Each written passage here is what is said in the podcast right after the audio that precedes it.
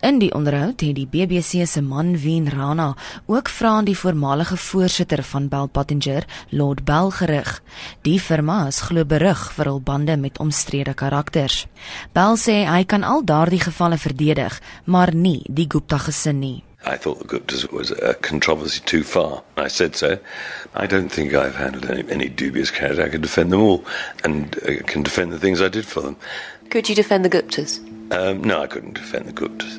Die uitvoerende hoof van Bell Pottinger, James Henderson, het tydens die onderhoud gesê hulle was slegs aangestel om die Gupta maatskappy Oakbay Investments se reputasie te beskerm. There was certainly no intention of collaborating with corruption. We were trying to do a good job for a client in managing their reputation and defending them from a number of accusations, some of which became, were in, within the political arena.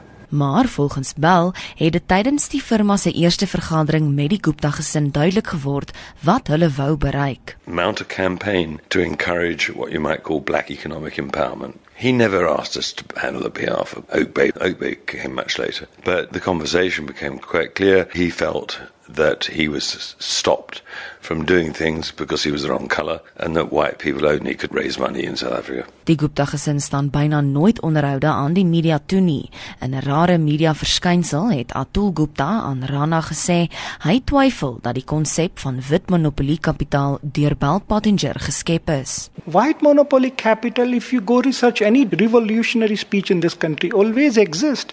I mean I don't know where these terms come from, believe me. But it wasn't in common usage until the Bell Pottinger campaign. Actually, there's no nothing like that.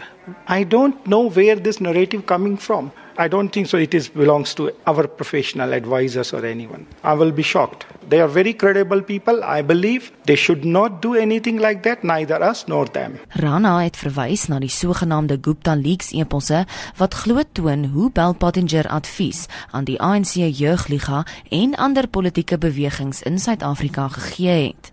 Gupta sê die eposse is oneg. First, let's talk Gupta leaks. There's no authenticity of Gupta leaks at all. They all, all every day perception mongering to drive their own agenda. Everyone I've spoken to in Bell Pottinger, nobody's denied the credibility of the leaks. But no one show me ever. No one have authenticity of these mails. If you know Bill Pottinger is suppose our advisor, but I think such an ethical company should not be doing anything funny. Intussen sê Amabungane se Sam Sol dat niemand anders die egtheid van die eposse bevraagteken nie.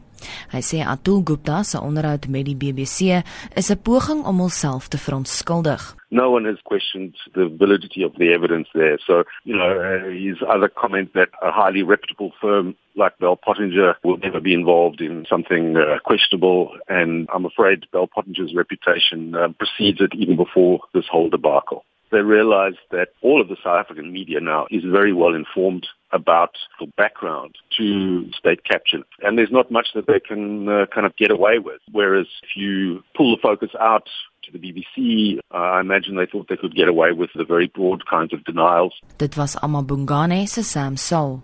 Ek is John Marie Verhoef vir SAK nuus.